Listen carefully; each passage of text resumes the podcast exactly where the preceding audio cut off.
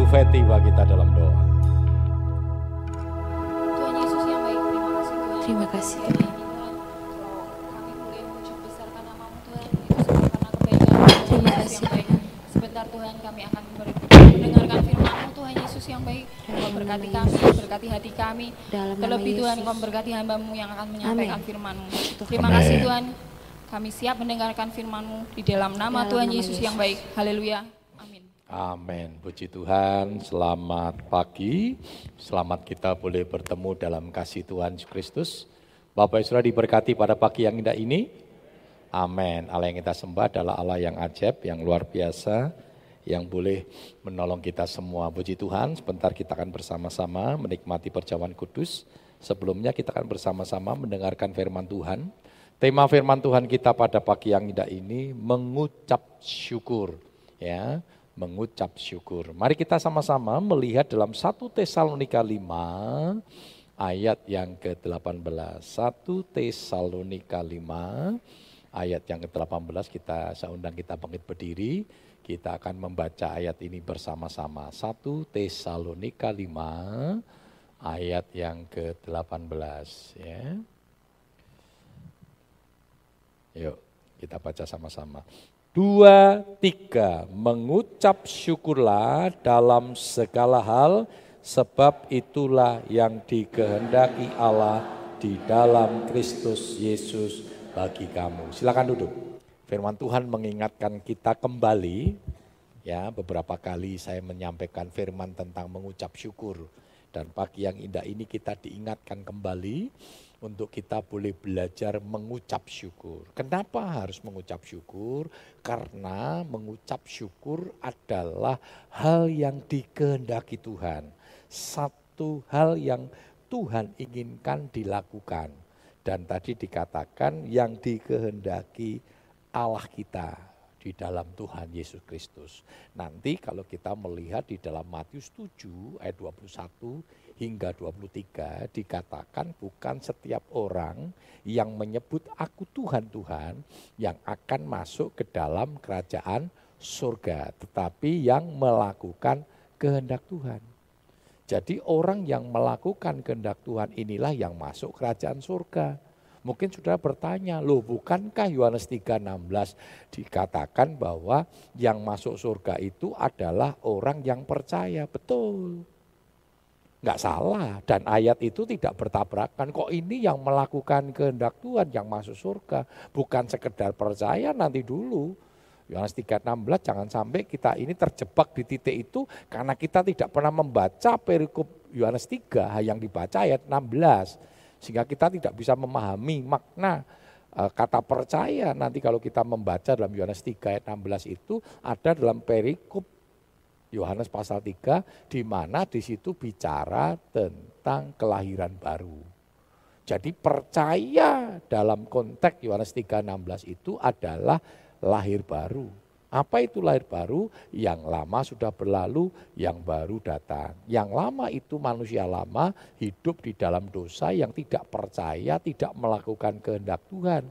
Tetapi manusia baru adalah orang-orang yang melakukan kehendak Tuhan. Clear. Jadi kalau sudah ber, berkata percaya kepada Tuhan, berarti saudara melakukan kehendak Tuhan. Dan salah satu yang Tuhan kehendaki untuk kita lakukan adalah mengucap syukur. Hari-hari ini banyak orang tidak bisa mengucap syukur.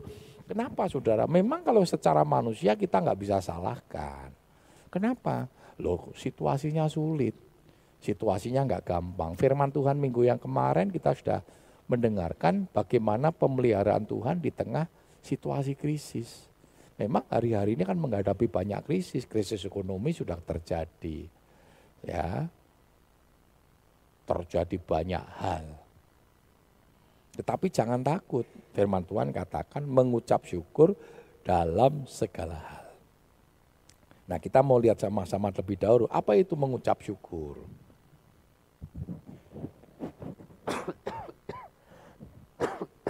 Mengucap syukur pengertiannya adalah menyatakan apa yang Tuhan kerjakan dalam hidup kita adalah baik. Mengucap syukur itu artinya apa pun yang kita alami, apa pun yang kita hadapi, itu adalah baik. Selama itu Tuhan izinkan, bukan karena kelakuan kita, bukan karena perbuatan kita atau pilihan salah kita. Selalu saya ingatkan Tuhan kasih free will sama kita. Tuhan kasih kehendak bebas sama kita untuk memilih hidup ini. Hidup itu penuh dengan pilihan. Dan Tuhan kasih kehendak bebas itu. Adam dan Hawa diberikan pohon pengetahuan baik dan jahat, membuktikan bahwa Tuhan berikan kehendak bebas. Tetapi akhirnya Adam dan Hawa salah dalam memilih, lebih memilih kepada melanggar perintah akibatnya dosa. Waktu dosa jangan berkata, ya itu takdir, enggak ada saudara. Saudara selingkuh, saudara berbuat dosa, mencuri, korupsi, dipegang oleh pihak berwajib, akhirnya masuk penjara, jangan ngomong. Wah ini kehendak Tuhan, ini takdir. Enggak ada korupsi oh takdir itu melawan kehendak Tuhan. Jangan selalu katakan takdir saudara. Perbuatan dosamu itu ya karena pilihanmu. Karena engkau salah di dalam melakukan pilihanmu, itu yang harus diperhatikan saudara. Tetapi ketika kita melakukan kehendak Tuhan, dan Tuhan izinkan kita diperhadapkan kepada situasi yang tidak nyaman, tidak enak, nah itulah rancangan Tuhan dan belajar mengucap syukur seperti Ayub. Ayub selalu mengucap syukur. Kenapa saudara? Karena Tuhan itu tidak pernah merancangkan sesuatu yang jahat untuk hidup kita. Apa yang dialami Ayub kan bukan sesuatu yang jahat. Mungkin pada waktu kita menghadapinya. Prosesnya itu saudara. Kita mungkin merasa berat. Tidak mudah. Tetapi nanti di balik seluruh rangkaian cerita itu, perjalanan itu, dan ketika berakhir seperti pengkhotbah katakan Tuhan membuat segala sesuatu indah pada waktunya dan kita melihat bagaimana Tuhan memberkati Ayub. Coba kita lihat dulu dalam Yakobus 1 ayat yang ke-16 hingga 17. Yakobus 1 ayat 16 dan 17 demikian firman Tuhan. Saudara-saudara yang kukasihi, janganlah sesat. Setiap pemberian yang baik dan setiap anugerah yang sempurna datangnya dari atas, diturunkan dari Bapa segala terang, padanya tidak ada perubahan atau bayangan karena pertukaran. Nah, perhatikan saudara. Firman Tuhan mengingatkan kita, dimulai dengan kata-kata jangan sesat. Artinya apa? Kalau kita berpikir bahwa Tuhan itu merancangkan sesuatu yang jahat untuk hidup kita, itu sesat. Itu ingat-ingat saudara. Jangan sampai ketika kita menghadapi situasi yang gak enak lalu mempertanyakan Tuhan. Tuhan kenapa Tuhan izinkan ini aku kurang opo. Apa pernah ngomong gitu saudara. Salahku opo mbak Tuhan. Nah, salah Yayu popo. Salah Gusti Yesus apa saudara. Salahnya Tuhan Yesus itu apa? Kalau Tuhan Yesus menjalani via dolorosa. Tidak saudara. Semua Tuhan izinkan terjadi. Karena Tuhan punya rencana yang indah dalam hidup kita. Kalau kita melangkah ke, kepada sesuatu yang salah sehingga kita mengakibatkan satu akibat. Karena setiap hidup itu ada sebab akibat. Minta ampun sama Tuhan. Tuhan ampuni saudara. Jangan kita berbuat salah, wah kemaki, keminter, sok bener. Tidak tahu bahwa itu salah. Kenapa Daud ini dikatakan orang yang berkenan di hadapan Tuhan, dia tahu dia berbuat dosa, dosanya menjijikan. Tapi apa yang dilakukan Daud? Dia minta ampun sama Tuhan. Dia menangis hancur hati di hadapan Tuhan. Dan Tuhan ampuni. Siapa sih yang kita nggak pernah berbuat salah dalam dunia ini? Karena kekilafan kita, karena pilihan kita mungkin yang salah. Sehingga kita jatuh. Kita mencatat berapa banyak tokoh-tokoh yang jatuh. Enggak apa-apa saudara. Yang penting minta ampun sama Tuhan. Amin. Amin. Jangan mau dituduh sama iblis. Iblis ini pinter sudah begitu jatuh. Hele Gus, Gus gue kira layak. pendeta kok kaya ngono. Nah, berapa banyak ini terpuruk kita. Wis nanggung gawe dosa sisan sing akeh. Udah dosa kok cuma segitu. Sudah buat dosa sudah tanggung, kamu juga berbuat baik pun ora layak. Hati-hati saudara itu iblis. Tapi Tuhan selalu mengampuni. Dosa semirah germisi disucikan seputih. Yang penting minta ampun sama Tuhan. Tuhan pulihkan. Kembali hidup kepada jalan Tuhan. Seperti dua tawari katakan apa. Kalau ada umatku yang berdosa, mengaku, berbalik dari jahat yang jahat, memalingkan wajahnya kepada Tuhan. Firman Tuhan katakan apa? Aku akan memulihkan, dipulihkan. Ya, mungkin karena kesalahan kita kita jatuh dalam dosa. Minta ampun sama Tuhan, Tuhan pulihkan dan kembali kepada jalan Tuhan. Jangan mau dituduh untuk iblis. Nah, iblis itu yang nuduh saudara supaya kita terpuruk di dalam dosa itu. Ya, saudara, Mengucap syukur, kita belajar mengucap syukur itu bukan sekedar dalam kesusahan, tetapi juga dalam kelimpahan. Makanya dalam janji setia, dalam perkawinan kan enggak cuma tetap setia melayani baik dalam suka, baik dalam kelimpahan, baik dalam kesehatan, tidak saudara. Dalam suka maupun duka, baik sakit maupun sehat mengucap syukur pun bukan hanya dalam kesusahan, tetapi kelimpahan kita juga belajar mengucap syukur. Hati-hati saudara. Karena ketika kita diberkati itu kadang sok lali. Coba kita lihat dulu di dalam Filipi 4 ayat 11 hingga 12. Filipi 4 ayat 11 dan 12 demikian firman Tuhan. Kukatakan ini bukanlah karena kekurangan, sebab aku telah belajar mencukupkan diri dalam segala keadaan. Aku tahu apa itu kekurangan dan aku tahu apa itu kelimpahan. Dalam segala hal dan dalam segala perkara tidak ada sesuatu yang merupakan rahasia bagiku, baik dalam hal kenyang maupun dalam hal kelaparan, baik dalam hal kelimpahan maupun dalam hal kekurangan. Iya. Ini pernyataan Paulus saudara. Aku tahu apa itu kelimpahan. Aku tahu apa itu kekurangan. Dalam hidup ini Tuhan sering kali izinkan kita menghadapi titik-titik itu. Tetapi yang paling penting dalam setiap keadaan jangan lupa mengucap syukur. Bahkan ketika engkau diberkati, banyak orang diberkati orang mengucap syukur. Mengucap syukur om.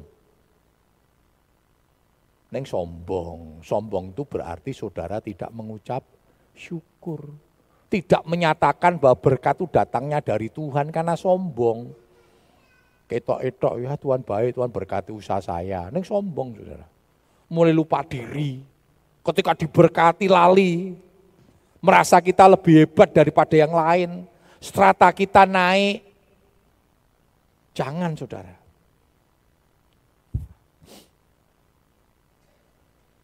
Saya dulu teman-teman sekolah kitab setara. Saya selalu kalau di sekolah kitab dulu sama adik-adik kelas sama ini, satu cukup dekat saudara sama mereka. Saya dipanggilnya Mas Agus. Sekolah kitab salah tiga itu saudara. Waktu pertama kali saya masuk angkatan 17, 89. Ya, setiap ketemu sekolah kitab rata-rata seperti itu saudara. Setiap kali ketemu sesama teman panggilnya, Brur, pagi brur, pagi ses gitu ya. Kalau sesama cewek ses itu yang dari sekolah kitab beji ada itu sampai hari ini masih ya. Bro ses makanya jangan heran sudah. Kalau di teman-teman pendeta GPD itu kalau bro gimana bro? Waduh saya bilang begini, waktu saya masuk itu saya bilang ngomong sama mereka gini, telinga saya rodok pedes sih. Nek mendengar kata bro, bro siapa? Bro Ragus, bro Ragus tinggalnya di mana? Asalnya dari mana? Kupingku rodok pedes. Saudara itu wong londo, Ya kita nggak boleh lupa saudara. Ya proses dulu itu kan GPDI kebanyakan orang-orang Belanda berkebangsaan Amerika. Ya apa namanya dulu apa Van Kessel sebenarnya kan orang Belanda mereka biasa pakai bahasa Belanda dan uh, eh, GPD itu lahir pada waktu penjajahan. Saya ngomong gini, iki neng Solo Tigo Jawa Tengah ora ono bru ora ono ses sing ada mas dan mbak saya bilang. Wah, saya mulai mengubah itu angkatan itu. Jadi sesama ini yo sing wong Batak, wong ini yo panggilnya nek sesama Batak monggo lah lae itu silakan. Tetapi secara umum Mas Mbak, saya mencoba mengubah itu Mas Mbak. Saya memperkenalkan diri sama Mas Agus. Ya, nyeluk Mas Agus. Nah saudara kita lihat situasi seperti itu, saya panggil. Ya teman-teman mas, mas, mas, mas, mulai dalam pelayanan ya dan saya memang dari dulu sudah cukup dekat dengan mereka dan suka bantu mereka. Saya nggak tahu sudah saya itu tidak pernah mengalami kesulitan ekonomi. Saya tidak tahu bagaimana caranya walaupun saya tidak punya sponsor khusus tetapi Tuhan itu selalu memberkati dan saya belajar memberi mereka. Sehingga dalam pelayanan pun sering kali mereka e, kalau ada apa-apa ngebel saya walaupun saya juga masih ngerintis. Ya Mas Agus, Mas Agus gitu ya. Nah ketika saya jadi MD Ya, saya memang paling muda jadi MD dan di antara teman-teman seangkatan saya yang saya pertama kali dulu jadi MD sudah. Begitu ketemu begitu, ya satu kali ketemu dengan mereka, mereka panggil Om Agus. Wah, biasanya Mas, Mas, Mas, Mas, Om Agus katanya. Om katanya. Saya ngomong begini sama teman-teman itu. Ele, kowe nyelok aku Om ini, waduh kupengku anu loh. Langsung loro kabeh saya bilang. Loh kenapa Kenapa om? Kenapa om meneh? Pakai nganggu bahasa Indonesia meneh. Biasanya ngokanggu, pemas, pemas lagi. Bagaimana om? Well, saya bilang. Lah om kan MD katanya. Oh sama-sama jengkel saya bilang. Orang ono yo goro-goro MD panggil om. As om ben ora dadi MD, D gitu. Bisa bilang ndak ada lah. Mau MD mau apa podo ora ono urusan. Sahabat-sahabat. Pertemanan-pertemanan. Rasa gaya. Lu ada saudara. Dulu manggilnya om. Sama orang lebih tua. Om gimana om? Begitu jadi MD. Manggilnya brur. Gimana brur? Ya ampun ini malah kurang ajar. Mana jadi MD saudara. Saya guru saya dulu om ya. Bahkan saya pernah ngajar guru saya saudara. Karena saya belajar terus, secara akademis saya lebih tinggi, guru saya ngambil S2, saya ngajar. Ya tetap tak panggil om. Nggak usah sok. Nggak usah merasa hebat. Ketika kau berhasil lupa diri. Amin.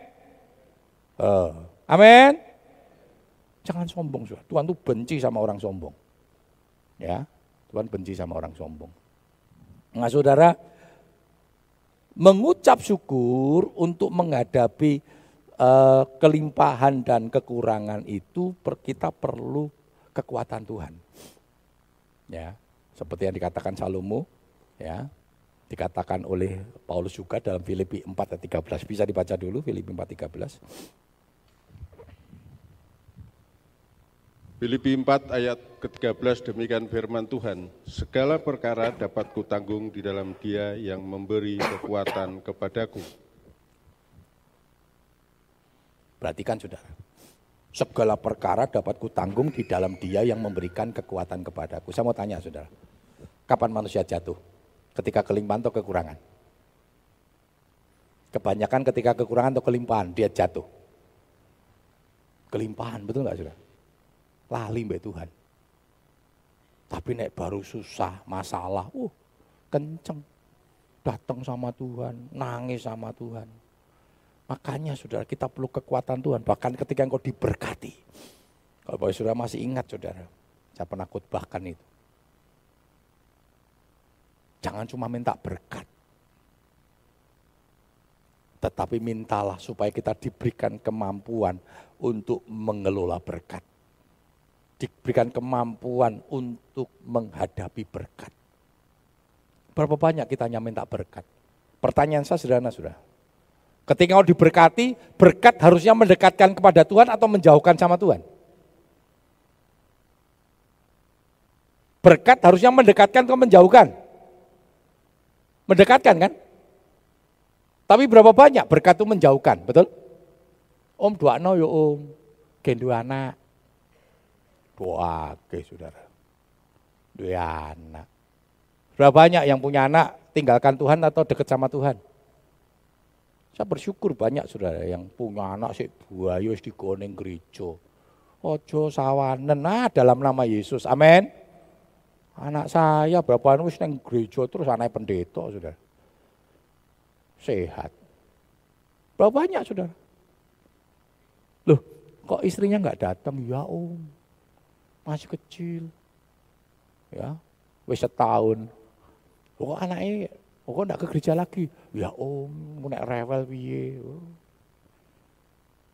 Dulu alasannya kan, waduh nanti nek nangis, mau coba apa-apa.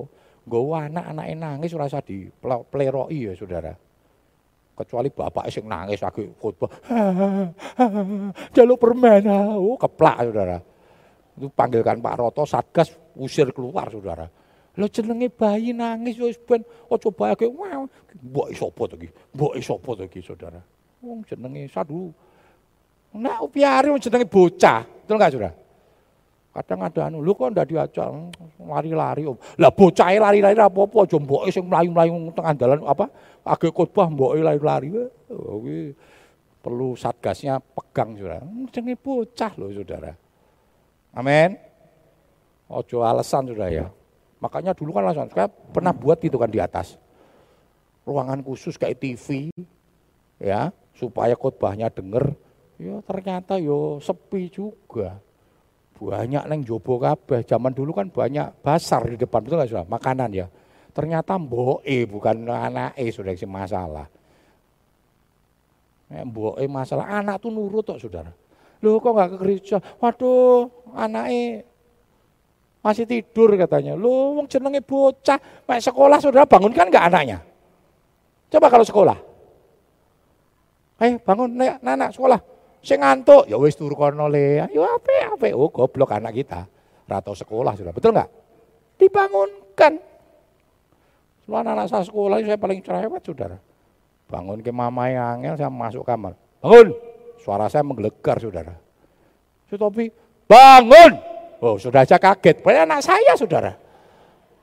Ya toh?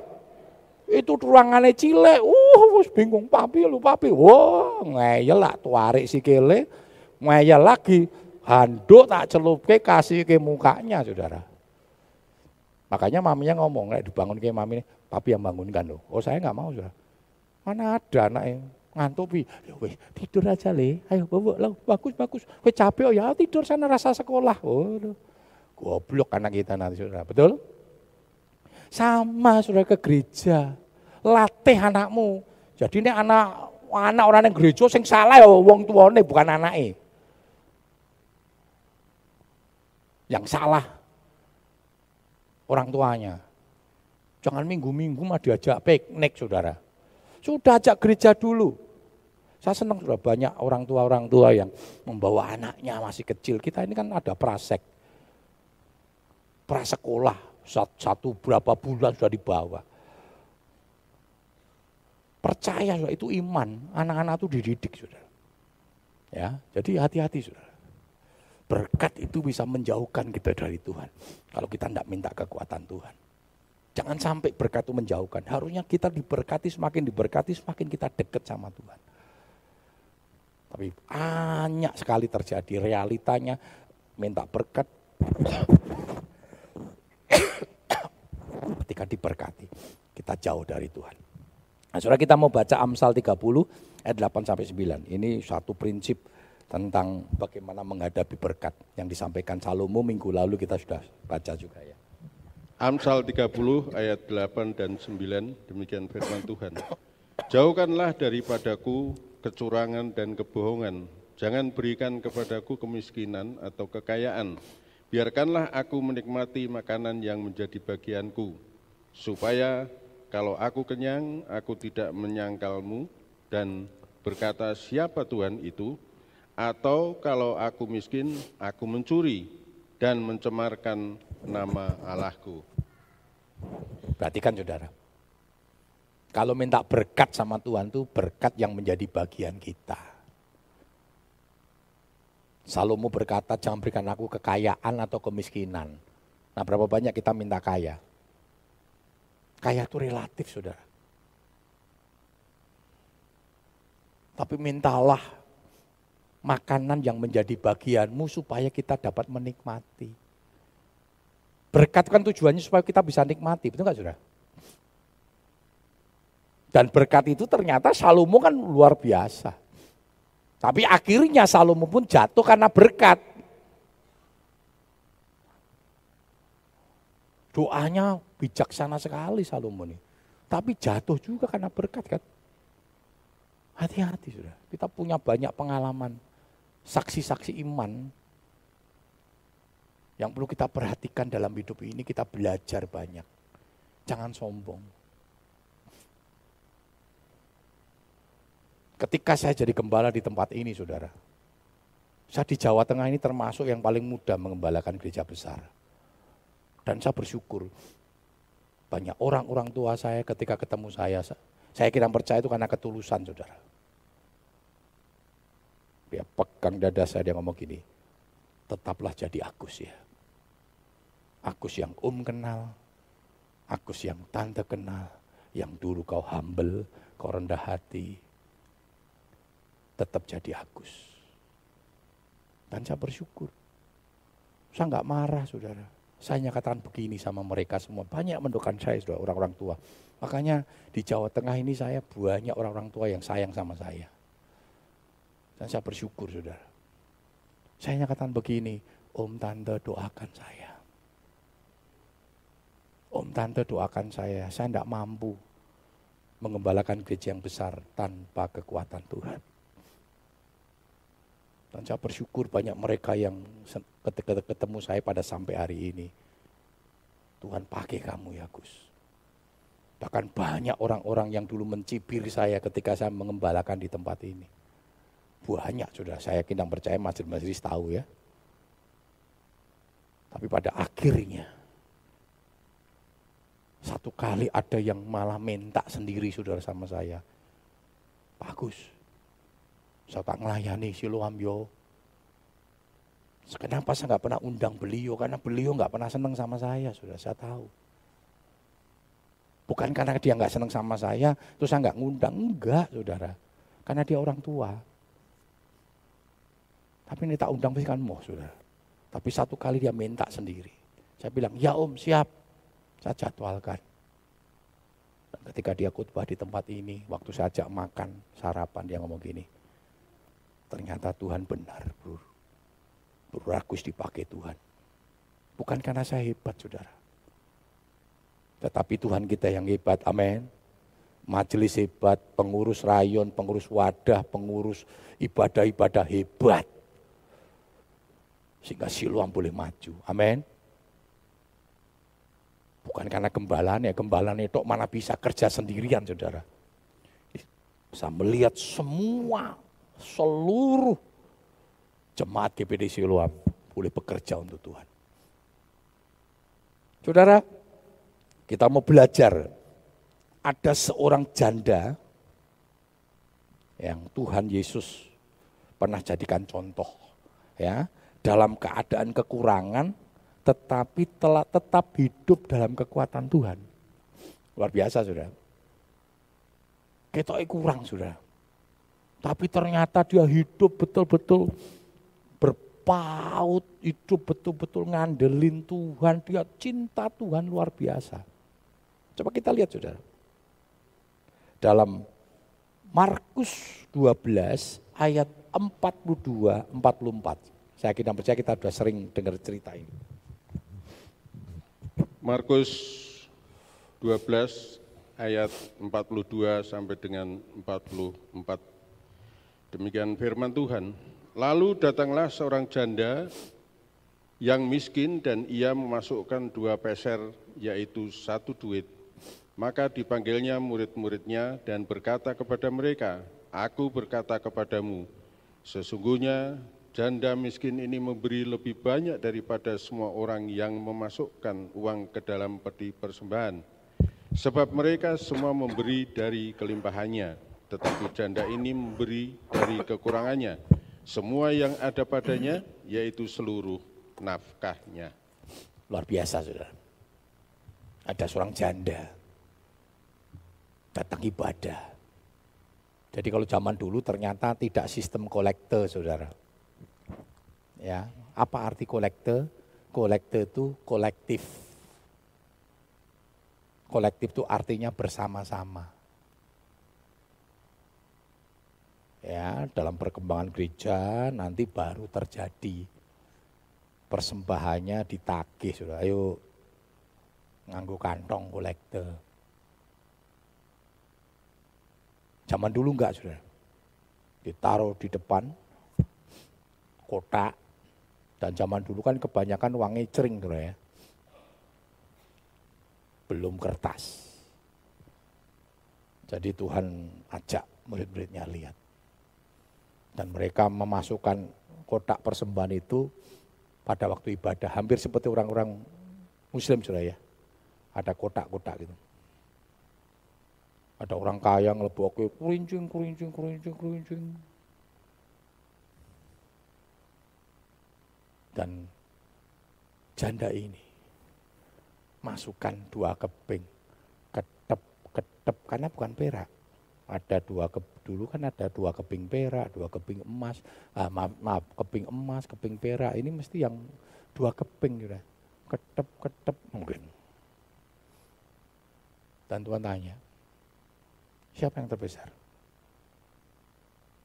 Janda ini memberikan yang terbesar. Kenapa? Dia memberikan dari seluruh hartanya. Wah luar biasa sudah saya tidak tahu adakah saudara yang punya iman seperti janda ini. Kayak ini kabeh. Beh. Lah urepe piye to Om? Setelah itu ya goblok janda ini. Oh, kira-kira diberkati enggak saudara janda ini? Diberkati enggak? Rawani jawab toh. Aku nek Om Agus tantang kita hari ini kon nge ngebeh kan repot katanya. Lu saya pernah ngalami saudara. Bar gajian zaman dulu kan belum ditransfer saudara. Saya terima gajian hari Sabtu, urung tak taruh neng omah, belum ditabungkan neng gereja. Hari Sabtu minggu, Sabtu pulang malam, lupa lagi saudara. Pas persembahan dijalankan, suara terdengar, mengiang-iang yang cukup menyakitkan saya pada waktu itu. Berikan semua isi dompetmu, waduh mateng gue. Oh itu saya alami sudah. Itu pembawa kantong kolektor kayak gendruwo saudara. Semakin dekat semakin mencengkam ya. Aduh piye. Lo betul sudah, saya ngalami itu. Saya ngalami dua kali ada. Ya. Tok saya nggak belajar dari pengalaman yo. Yang kedua kalinya kok goblok yo. Malah goblok-goblok wong Tuhan mau. Karena Tuhan mau buktikan bahwa Tuhan itu memberkati. Yo tak beke saudara. Dadah. Tapi saya diberkati oleh Tuhan. Amin. Ojo melu-melu. Neng nek melu-melu puji Tuhan. Neng jangan melu-melu karena ini saudara. Oh, itu kalau bukan karena Tuhan saudara. Makanya ada ngomong begini. Lo om kayak firman Tuhan. Kan jangan memberi yang tidak ada padamu. Ya bener. Wanita ini memberi apa yang ada padanya atau tidak ada? Ada enggak dia? Ada, cuma dua ke keping. Kan dia tidak ngutang. Hati-hati sudah.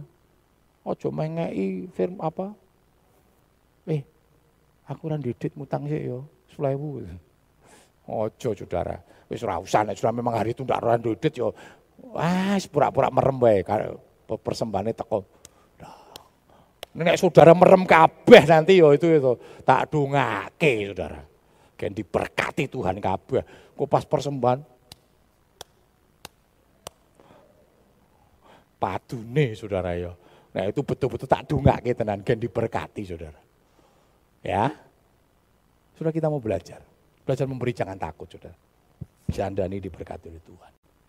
Saya belajar memberi sampai hari ini, sampai hari ini saudara. Kalau ada banyak hamba Tuhan yang datang setiap bulan itu, bukan berarti kan saya kosongan. Saya memberi mereka. Belum lagi yang hariannya. Belum lagi kalau kita tim misi berangkat, saya pribadi pun memberi kepada mereka. Jadi jangan takut. Ya. Saudara, kehidupan orang percaya akan selalu ada dalam pemeliharaan Tuhan. Kita kemarin sudah belajar itu ya, dalam ulangan 2 ayat yang ketujuh. Ulangan 2 ayat yang ketujuh demikian firman Tuhan. Sebab Tuhan Allahmu memberkati engkau dalam segala pekerjaan tanganmu. Ia memperhatikan perjalananmu melalui padang gurun yang besar ini. Keempat puluh tahun ini Tuhan Allahmu menyertai engkau dan engkau tidak kekurangan apa pun. Amin. Amin. Engkau tidak kekurangan apa pun. Jangan takut sudah, Tuhan pelihara kok. Ada yang kekurangan, nggak bisa makan. Saya kita percaya kita semua pasti diberkati oleh Tuhan. Bahkan ketika kami ngerintis sekalipun, saya nggak pernah kekurangan, saudara.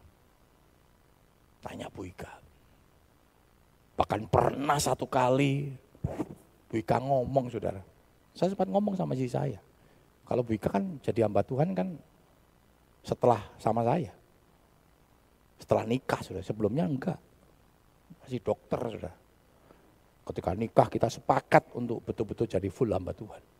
Dan saya bilang siap ya nggak masa krisis ya. Nek saya masa krisis sih biasa, tapi artinya bukan bukan berarti kekurangan sudah. Karena saya terlalu yakin Tuhan tolong. Satu kali, B, susu habis untuk Noel. Waktu itu Noel baru berapa bulan, saudara. ABC kapan saya bilang? Minggu. Minggu siang katanya. Oke. Loh, saudara tahu enggak kira-kira Buika ngomong gitu tuh karena apa, saudara? Tuku gitu loh, saudara. Tapi Buika juga tahu, ini pendeta, wong dete ngerti, dompetnya ngerti. Ora cukup gue tuku. Itu hari Jumat kalau nggak salah. Jumat siang saya dibel oleh salah satu teman di kota Solo, pendeta. Gus, bisa nggak melayani di tempat saya hari Minggu pagi? Oh siap. Enggak sudah. Kenapa saya bilang siap? Saya pernah khotbah di tempat itu dan saya tahu sudah PK-nya itu nggak tuku susu sekilo iso saudara. Saya bilang sama istri saya, nih Sok minggu saya khotbah di ini. Ya sebenarnya saya mau bicara begini sudah, mi tenang, sok minggu khotbah, bar mulai khotbah tuku susu gitu loh saudara. Tapi kan hamba Tuhan rodok rohani didik saudara. Singkat cerita, Sabtu pagi. Tahu-tahu saya dibel kembali sama teman saya. Gus, Oh iya piye? Sorry yo. Waduh. Itu seperti petir di pagi hari bilang sorry apa enak saudara kan? Lo kenapa? Oh ragus. Ini pagi ini tadi pendeta di mana saya pernah jadi pengerja dari Bekasi datang. Dan dia pulangnya Senin besok mau ikut ibadah. Lah nek aku orangnya ikut bahkan rapena. Piye Gus? nek kamu khotbahnya minggu depan. Besok tak kasih jatah untuk Bapak Gembala saya. Bi, nek kue ora iso, ya ora apa-apa. Ndak apa-apa kamu besok tetap khotbah. Kita ini orang Jawa, saudara. Masuk omong begini, oh enggak bisa dong pak, komitmen dong. Kue sudah ngundang saya kok. Enak lah. Kan aku butuh tuh, gue tuku susu gitu saudara ya. Ya saya ngomong gini, oh enggak apa-apa pak, enggak apa-apa. Saya minggu depannya lagi. Begitu telepon ditutup, saya ngomong sama istri saya, Mi, besok batal. Saya diganti minggu depannya lagi. Mungkin mau ngomong ini, Mi sisuk rasi tuku susu. PK nih orasi itu, kan gitu sudah ya. Saya tahu. Selesai saat ditelepon teman saya, saya menangis di hadapan Tuhan. Bukan karena besok orang tuku susu. Saya menangis, saya minta ampun sama Tuhan. Sudah kenapa? Selama hidup saya, saya melayani Tuhan. Saya nggak pernah mikir GPK. Saya nggak pernah mikir GPK, saudara. Tapi hari itu saya mau khotbah yang ada dalam benak saya PK. Karena kebutuhan tadi. Saya minta ampun, saya menangis. Ampuni saya Tuhan. Sepertinya Tuhan nggak bisa pelihara. Ampuni saya Tuhan. Saya tahu saya bisa berpuasa. Sampai hari ini pun saya belum pernah namanya puasa terpaksa. Tapi anak saya, saya yakin dan percaya Tuhan pelihara. Jangan tahu cara bagaimana, tapi Tuhan lebih tahu. Sore harinya saya melayani di satu pelayanan komunitas yang biasa saya layani. Tahu-tahu pemilik, pemilik rumahnya panggil saya. Bagus, jangan pulang dulu ya. Oh ya, dia kasih berkat saya saudara. Yang saya nggak pernah pikirkan. Dan ketika saya pulang saudara, saya buka berkatnya. Itu bel, untuk beli susu bisa sampai 10 box. Dan saya semakin menangis di hadapan Tuhan. Saya minta ampun di hadapan Tuhan. Dan saya terlalu yakin Tuhan sanggup pelihara. Gak mengono saudara, dapat bonusnya minggu ngarepe Kan masih firman. Saudara jangan pernah memikirkan bagaimana Tuhan memberkati kita. Karena Tuhan tahu bagaimana cara memberkati kita. Tugas kita mengucap syukur. Amin. Amin. Percaya sama Tuhan. Hidup saya terlalu dipelihara oleh Tuhan. Kalau saya boleh tiba sampai hari ini. Ketika saya ngerintis pun saya tidak pernah gerundel sama Tuhan. Saya diizinkan mengalami itu supaya Tuhan izinkan saya belajar bahwa Tuhan pelihara hidup saya. Hati kami penucapan syukur Tuhan. Ampuni kami kalau sering kali kami tidak belajar mengucap syukur. Ampuni kami kalau sering kali kami mengeluh atas hidup ini. Tuhan pelihara hidup kami. Berikan kemampuan kami menghadapi kekurangan kami. Bahkan berikan kemampuan kami untuk kami menghadapi kelimpahan kami. Tuhan terlalu baik dalam hidup kami. Engkau bahkan sudah mati untuk kami. Kami boleh menikmati kasih karunia Tuhan. Berkati kami semua. Di dalam satu nama yaitu di dalam nama Tuhan Yesus Kristus. Kami sudah berdoa. Haleluya. Amin. Puji Tuhan.